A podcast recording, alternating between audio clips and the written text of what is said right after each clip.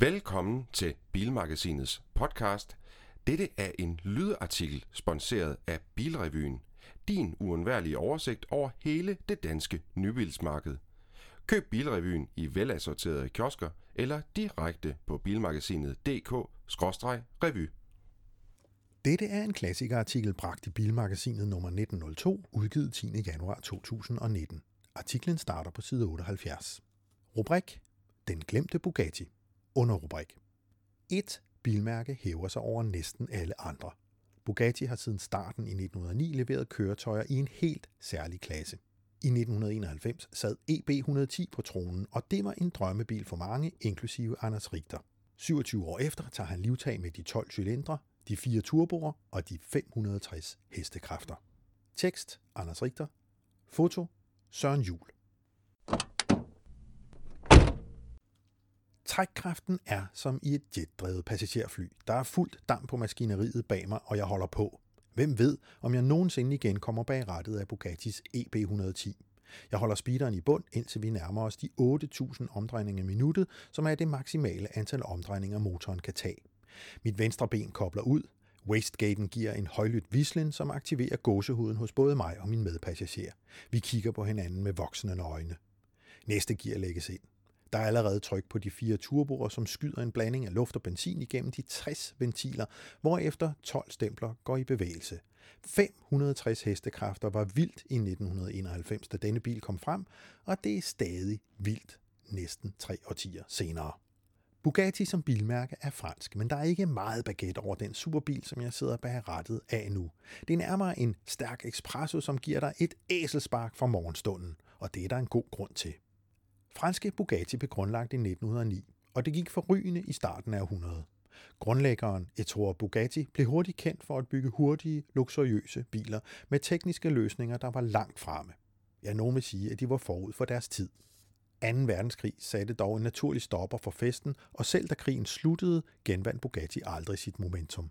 Mærket lå dødt fra 1963 til 1987, hvor den italienske entreprenør og bilentusiast Romani Artioli købte rettighederne til navnet, og et nyt eventyr begyndte.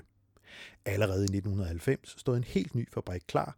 Den lå bare ikke i Frankrig, men i stedet i byen Campagalliano, som ligger lige uden for det italienske superbilsmega Modena. Det stod klart, at mærkets genfødsel krævede en ekstraordinær bil, og Romano Artioli brugte de bedste fra branchen. Tanken var, at den nye bil skulle stå klar i 1991, hvor Ettore Bugatti ville være fyldt 110 år. Af samme grund skulle bilens navn være EB110, men der var travlt, hvis de skulle nå at lykkes med projektet i tide. Til designet hyrede han Marcello Gandini, manden, der stod bag Lamborghini Miura, Countach og Diablo. Han burde snilt kunne kridte stregerne til en ny Bugatti. Til teknikken hentede han også nogle af de bedste hoveder fra Lamborghini i nabobyen St. Agatha. Tanken var at lave et let, stærkt chassis, bygge en kompakt, kraftig motor og koble det til et fjolstræk, som kunne få kræfterne ned i asfalten. Og det må man sige lykkedes. Bugattien føles lille omkring mig. Den måler da også kun 440 cm i længden, hvilket kun er 14 cm længere end nutidens Folkevogn Golf. Undervognen er ikke knusende hård. Den er stram, men det er tydeligt, at den er sat op til at levere en høj grad af komfort.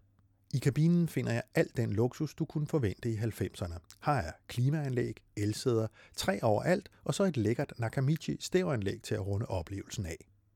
Motoren ligger lige bag min øregang, og på trods af sine 12 cylinder siger den ikke meget. Det er en 12-cylindret maskine med en relativt lille slagvolumen på bare 3,5 liter. For at give ekstra effekt er den monteret med turboer, faktisk en hel del af dem. Rundt i motorrummet kan du spotte fire turbolader, som både stjæler plads og ikke mindst motorlyd. I stedet for en italiensk brøleabe med åbenstående skjorter og brysthåret flagrende i vinden, virker Bugatti EB110 mere som en forretningsmand iklædt stramt jakkesæt og en stilet attachémappe. EB110 er ikke en blærerøvsbil. I stedet er den med sit stramme design, sine 560 heste, 611 Nm og 0-100 på 3,2 sekunder, intet mindre end overlegen, og sådan føles den også at køre. Frygter du at køre superbiler fra 90'erne, fordi det sikkert er en svær opgave, der kræver stor erfaring og finesse, er EB110 superbilen, du bør prøve. Gearskiftet har god tyngde, men det er ikke hård træning som på en Lamborghini Diablo. Koblingen kræver heller ikke lårbaser af stål, og firehjulstrækket gør, at du ikke behøver at bekymre dig om udskredninger, i hvert fald ikke så længe asfalten er tør. Romano Artioli gav et løfte om at have bilen klar på dagen, hvor Ettore Bugatti ville være fyldt 110 år, og det løfte holdt han. Den 14. september 1991 blev EB110 afsløret for verdenspressen midt i Paris. Ikke engang Egon Olsen kunne have timet og tilrettelagt seancen bedre.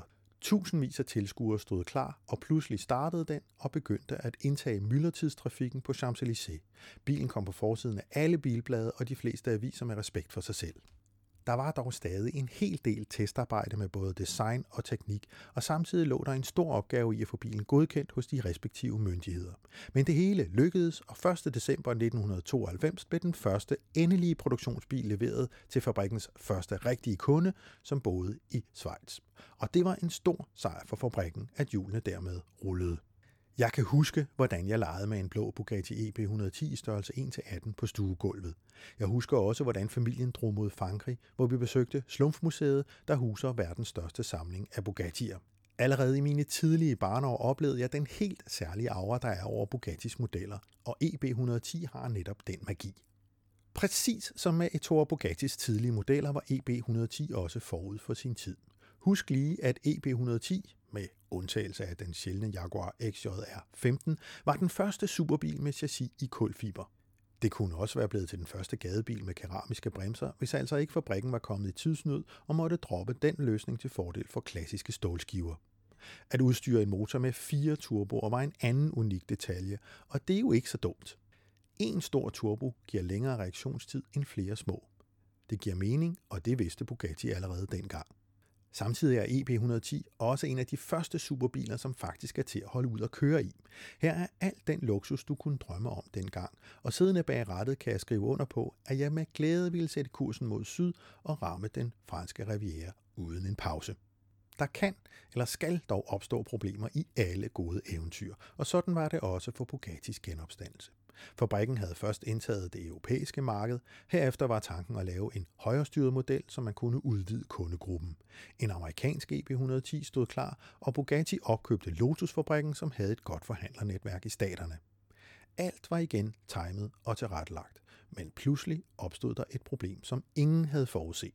De andre superbilsfabrikanter i Modena-området delte underleverandører med Bugatti, og pludselig var leverandørerne ikke længere interesserede i at levere reservedele til Bugatti.